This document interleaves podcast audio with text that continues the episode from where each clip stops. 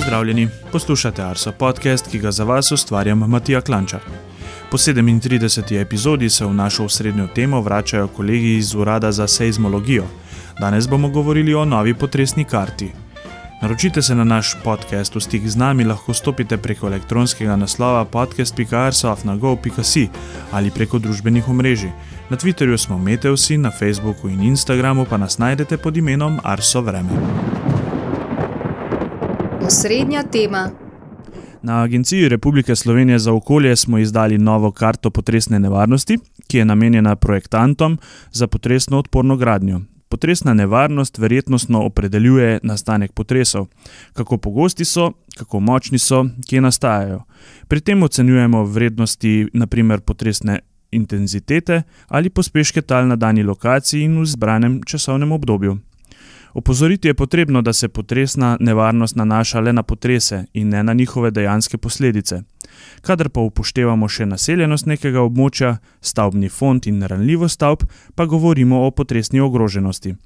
Vse to in še več pa v današnjem podkastu s kolegi iz Urada za seizmologijo. Z mano so Barbara Šketmotnikar, Polona Zupančič in Matjaš Godec. Pozdravljeni. Lepo pozdravljen. Pozdravljen. Eh, Najprej se bomo dotaknili zgodovine. Eh, Kako so se spreminjali predpisi o potresno odporni gradni? Občutek imam, da so na spremembe vplivali predvsem močnejši potresi. Dejstvo je, da imajo sami predpisi ali pa navodila kar precej dolgo zgodovino. V zgodovini so takšni predpisi bili običajno pripravljeni res po močnejšem potresu. Tako se je v arhivih našlo dokumentirane podatke, da so prvi napotki oziroma prvi principi potresno odporno gradnje bili pripravljeni že v, po potresu v Peruju leta 1699 ali pa po potresu v Lizboni eh, 1755. Za nas je morda najbolj zanimiv ljubljanski potres, velikonočni potres 1895, kateremu je leto potem, botro, ki je potroval izdaji stavbinskega reda za mesto Ljubljana, kjer so bili podani konstruktivni napotki, eh, ki so jih predpisali zaradi tega potresa. Med drugim je bil takrat predpisana tudi sama povezava zidovja. Karte potresne nevarnosti, takrat normalno jih eh, ni bilo govora o tem, in tudi potresno inženirstvo je bilo eh, še v, povo, eh, v povojih. Razvoj na območju nekdanje Jugoslavije je botroval izdaji začasnih tehničnih podpisov leta 1948. Dejstvo pa je, da takratni predpis je same potresne sile, ki so jih projektanti uporabljali pri projektiranju, močno podcenil. V Sloveniji se je to pokazalo že pri potresu 1956. magnitute 5,1 in zaradi tega so se že začele inicijative za spremembo predpisov. Na mednarodnem področju so tudi že pričeli z meritvami pospeškov in so pokazali, da so bile te do sedaj porabljene oziroma razmišljene bistveno premajhne. Tako so v Sloveniji leta 1963 sprejeli nov predpis, katerega priloga je bila tudi seizmološka karta. Mesec dni po tem potresu, to je bilo 26. julija 1963, se je zgodil močan potres v Skopju s tisoč žrtvami.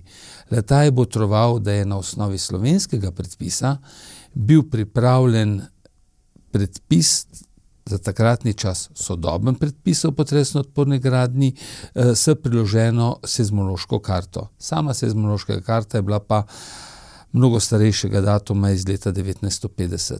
Razvoj stroke v svetu, pa verjetno tudi potres v Črni gori 1979, sta botrovala sprejemu novih predpisov o potresno odporni gradni, ki so bili pač sprejeti 1981. Nadaljni razvoj potresnega inženirstva je zahteval nove spremembe. Leta 2001 smo v Sloveniji sprejeli predstandardi Eurocode 8, ki je leta 2005 postal obvezen za uporabo s prehodnim obdobjem do leta 2008. Do takrat je bila dovoljena uporaba tudi še starejših predpisov iz leta 1981. Kaj pa seizmološke karte, kdaj so se pa te kaj spremenjale? Malo sem že prej omenil.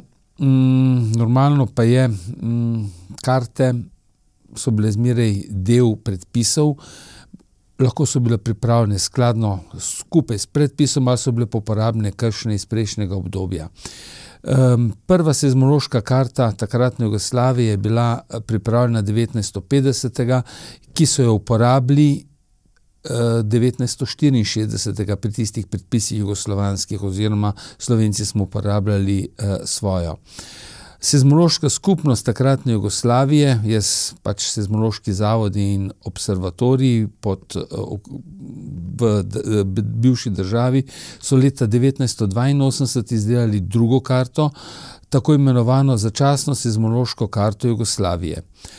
Osnova za te karte, to so bile karte, intenzitete, ki so označevale maksimalne ocenjene intenzitete po Mercalli-Kinkahnjevi lestvici. Znano je pa je, da za opredelitev seizmičnih značilnosti tal in projektnih parametrov za izgradnjo objektov ni dovolj samo poznavanje makroseizmične intenzitete potresov, ki so se dogodili na danih tleh. Prav tako je znano, da so procesi, ki vladajo v notranjosti Zemlje in povzročajo potrese, se odvijajo dalj časa. Z istega razloga seizmološki podatki, ne glede na to, kako dolgo obdobje zajemajo, niso dovolj za izdelavo seizmoloških kart po sodobnejših zahtevah in principih.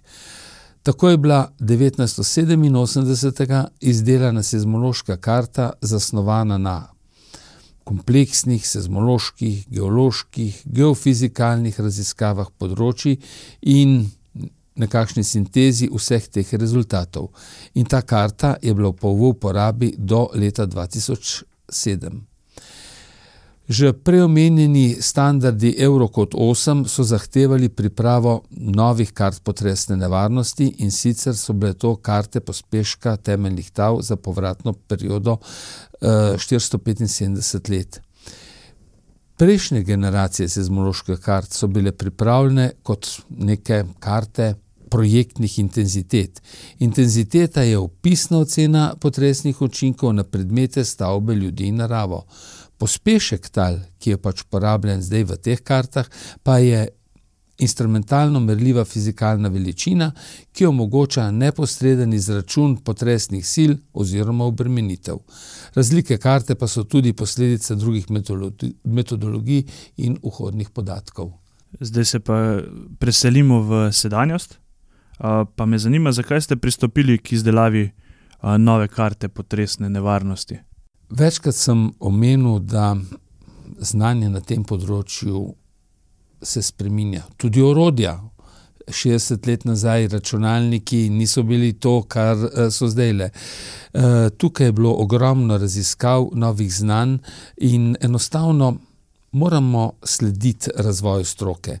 Res pa je, da je včasih potreben čas, da novosti iz strokovnega ožjega področja najdejo pot tudi v predpise. Včasih te stvari pospeši tudi močan potres na našem področju. Z naše strani je bilo zelo korektno, da smo se odločili in periodično preverjamo, samo stanje. Rezultat tega napredka je tudi nova karta potresne nevarnosti, pripravljena leta dva tisoč enaindvajset.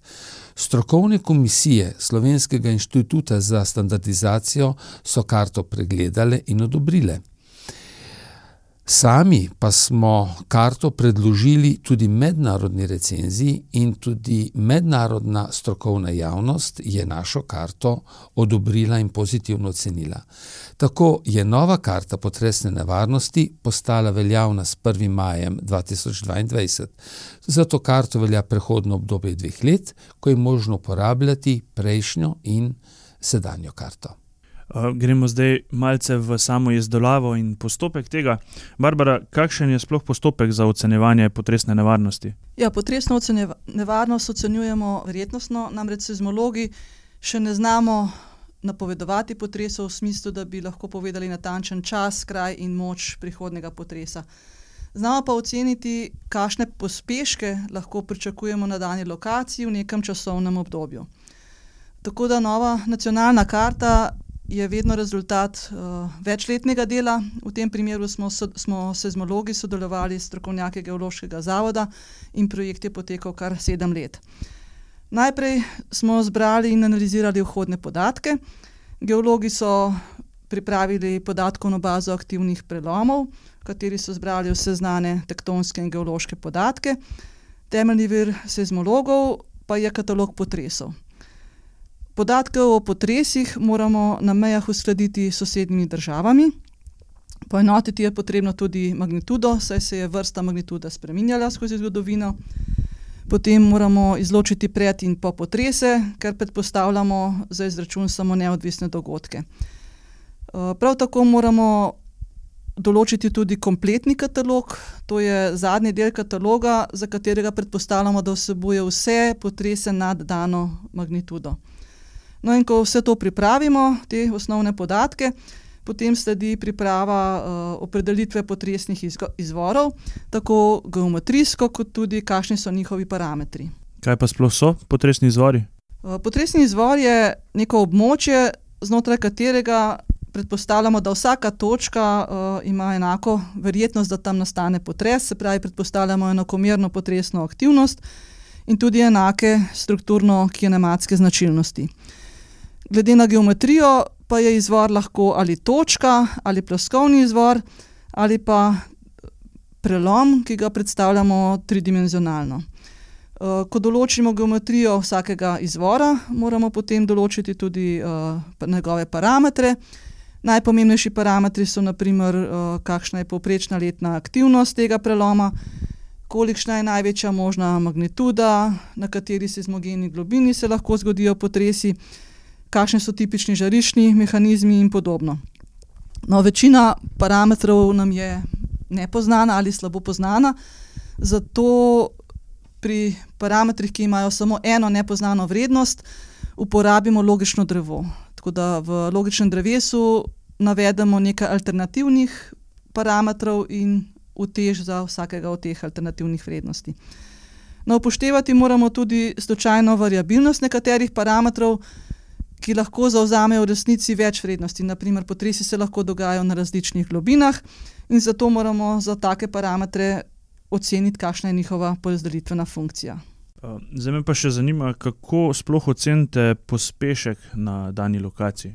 Ja, še en pomemben vhodni podatek je, to je model pojemanja pospeška. To je neka kar komplicirana enačba, s katero povezujemo pospešek na primer z oddaljenostjo od, lokacije potresa, z magnitudo, z vplivom tal, upoštevamo, kakšen je žariščni mehanizem. No, te parametre določamo z regresijskimi metodami, tako da upoštevamo meritve ob močnih potresih, ki nastanejo v potresni opazovalnici. Zdaj, potresno nevarnost izračunamo točkovno. slovensko karto smo izračunali v omrežju pet krat in vsaki lokaciji pa moramo upoštevati vse potresne izvore in v vsakem izvoru celoten možen nabor magnitud. Najprej izračunamo verjetnost prekoračitve nekih vnaprej izbranih vrednosti pospeškov, potem pa z interpolacijo določimo pospeške, ki ustrezajo predpisani povratni dobi. Polona, zdaj greva pa k tebi, zakaj ste sploh šli v pripravo nove karte? Matjaž je prej že povedal nekaj iztočnic, bolj iz uredbenega dela, zdaj pa mogoče malo bolj ta strokovni del še. Ja, od izdelave zadnje študije potresne nevarnosti Slovenije je minilo že več kot dvajset let. In v tem času smo pridobili številne nove podatke, nove modele, relacije, posodobljene so tudi metode ocenjevanja vhodnih parametrov in razviti so novi računalniški programi. ocenjevanje potresne nevarnosti je v preteklosti temeljilo skoraj izključno na potresni zgodovini, torej na katalogu preteklih potresov. Novejši izračuni pa upoštevajo možnost nastanka močnejših potresov tudi na opredeljenih aktivnih prelomih. Pomemben vpliv na oceno potresne nevarnosti ima model pojemanja pospeška tal, z oddaljenostjo od žarišča potresa. številne nove potresne opazovalnice in potresi v zadnjih petindvajsetih letih pa so omogočili razvoj natančnejših modelov pojemanja pospeška tal. sodobni postopek ocenjevanja potresne nevarnosti zahteva modeliranje negotovosti vplivnih parametrov z logičnim drevesom, medtem ko smo doslej obravnavo negotovosti omejili le na različice, kataloga potresov. Vse našteto nas je spodbudilo v razvoj novega modela potresne nevarnosti Slovenije in v izračun nove karte, ki je 1. maja letos postala priloga zakonodaji o potresno odporni gradnji. Zakonodaja določa, da je osnovni parameter potresne nevarnosti projektni pospešek tal za povratno dobo štiristo petinsedemdeset let in za trdna tla. Za druge, slabše vrste tal, pa je predviden koeficient tal, s katerim pomnožimo vrednosti na karti. Priporočena doba štiristo petinsedemdeset let ustreza devetdesetodstotni verjetnosti, da vrednosti na tej karti ne bodo presežene v petdesetih letih. Zdaj, zakaj petdeset let? Ker je to nekako predvidena življenjska doba navadnih objektov. Projektni pospešek tal izrazimo z Zemljinim težnim pospeškom. A lahko sedaj opišeš mogoče novo karto, primerjaš staro, kaj se je zdaj to se res spremenilo? Ja, potresna nevarnost se dejansko v zadnjih dvajsetih letih ni spremenila. Se pravi, število potresov in njihova moč ostajata enaka. spremenilo pa se je naše vedenje o potresni nevarnosti, predvsem o tem, kakšne pospeške tal lahko pričakujemo ob potresih. In prav zato so vrednosti na novi karti v večini Slovenije večje, predvsem zaradi uporabe teh novejših modelov pojemanja, pa tudi zaradi upoštevanja aktivnih prelomov, kar smo prvič storili, pri izračunu potresne nevarnosti. tako kot na stari karti potresne nevarnosti iz leta dva tisoč ena je tudi na novi karti potresna nevarnost, znatna v osrednjem delu Slovenije ter v pasu od severozahoda proti jugovzhodu. Projektni pospešek tal na novi karti doseže največjo vrednost, to je nič celih tristo petindvajset G na meji z Italijo, zahodno od Bovca. kar je posledica velike potresne aktivnosti v Furlaniji. pospešek nič celih tristo G pa zajema dve območji. Eno je območje okrog Idrije, ki sovpada z najpomembnejšimi aktivnimi prelomi in pa tudi z najbolj verjetno lokacijo najmočnejšega zgodovinskega potresa v Sloveniji iz leta tisoč petsto enajst. drugo je pa območje vzhodnega dela Slovenije okrog Brežic, kjer so v Sloveniji, se v Sloveniji v bistvu zgodi največ zmernih potresov. med potresno nevarna območja spada pa tudi Ljubljana z okolico, ki je še posebej ogrožena zaradi velike gostote, naseljenosti, najmanjša potresna nevarnost pa je v Primorju in v severovzhodni Sloveniji. za lažjo uporabo nove karte pri projektiranju smo za gradbenike projektante pripravili spletni pregledovalnik, ki je dosegljiv na strani, na spletnih straneh Arso potresi. V pregledovalniku je prikazana nova uradna karta projektnega pospeška tal, poleg tega pa tudi informativne karte pospeška tal za povratno dobo štiristo petinsedemdeset let in za različne spektralne čase in percentilne vrednosti, ter karte za različne povratne dobe. Dostopi dostopni so tudi spektri in krivulje potresne nevarnosti za večje kraje v Sloveniji. za konec bi mogoče jaz, dodala, da to, kar seizmologi vedno poudarjamo, da kljub številnim znanstvenim raziskavam v preteklih desetletjih se potresov še vedno ne da napovedati. edina učinkovita zaščita je pa potresno odporna gradnja, se pravi upoštevanje, predpisov o potresno odporni gradnji za gradnjo novih objektov, pomembna bi bila tudi utrditev starih objektov in pa upoštevanje navodil Uprave za zaščito in reševanje o tem, kako se obnašamo med potresom, predvsem pa, kaj lahko storimo pred potresom, da bomo med potresom bolj varni. Omenila si nekaj linkov, te linke bomo dodali tudi ob tem podcastu, tako kot je že v navadi. Mogoče za konec, čisto takšno vprašanje pogleda v prihodnost. Kakšne aktivnosti načrtujete, na tem področju, o katerem smo se danes pogovarjali, v prihodnje? Ocenjevanje potresne nevarnosti je nikoli dokončana zgodba, ves čas zbiramo podatke o potresih, Geološki zavod ves čas tudi spremlja, spremlja in izvaja dodatne raziskave na terenu, da bi čim bolje ocenilo parametre izvorov, tako da in vsakih približno deset let se trudimo za novo oceno. No, v upanju, da se v tem času ne zgodi kakšen hud potres. Uh, se vam najlepše zahvaljujem za vaš čas, za tale pogovor o novostih. Verjamem pa tudi, da se bomo s kakšno tematiko še vrnili uh, k vam na urad za seizmologijo. Hvala še enkrat. Hvala. Hvala. Obeti. Kakšni so vremenski obeti, vam bo zaupala Veronika Hladnik Zakotnik. Pretekli teden smo že zabeležili prve tri desetice. Tudi nasploh je bilo v preteklih dneh precej toplejše od poprečja za ta čas. Sreda pa nam prinaša ohladitev. Čez dan bodo temperature od 20 do 24, le na primorskem se bo ogrelo do 28 stopinj. Ob severovzhodnem vetru bo večinoma suho, vreme pa bo delno jasno s spremenljivo oblačnostjo. Četrtek bo pretežno jasno ter spet topleje, temperature bodo do okoli 27 stopinj. V petek bo sončno, a popovdne bodo v severni Sloveniji možne posamezne nevihte. Marsikje v notranjosti Slovenije bodo temperature presegle 30 stopinj Celzija. Vroč dan s temperaturo nad 30 stopinj Celzija bo marsikje tudi v soboto, brez popovdanskih neviht pa ne bo šlo. Kot kaže, nas bo v nedeljo prešla hladna fronta. Stabilnega vremena pa si po trenutnih izračunih še ne moremo obetati tudi v začetku prihodnega tedna. 81. epizoda Arso podcasta je končana. Hvala vam za vse odzive, kritike in poslušanja. Želim vam obilo lepega vremena in se slišimo čez 14 dni.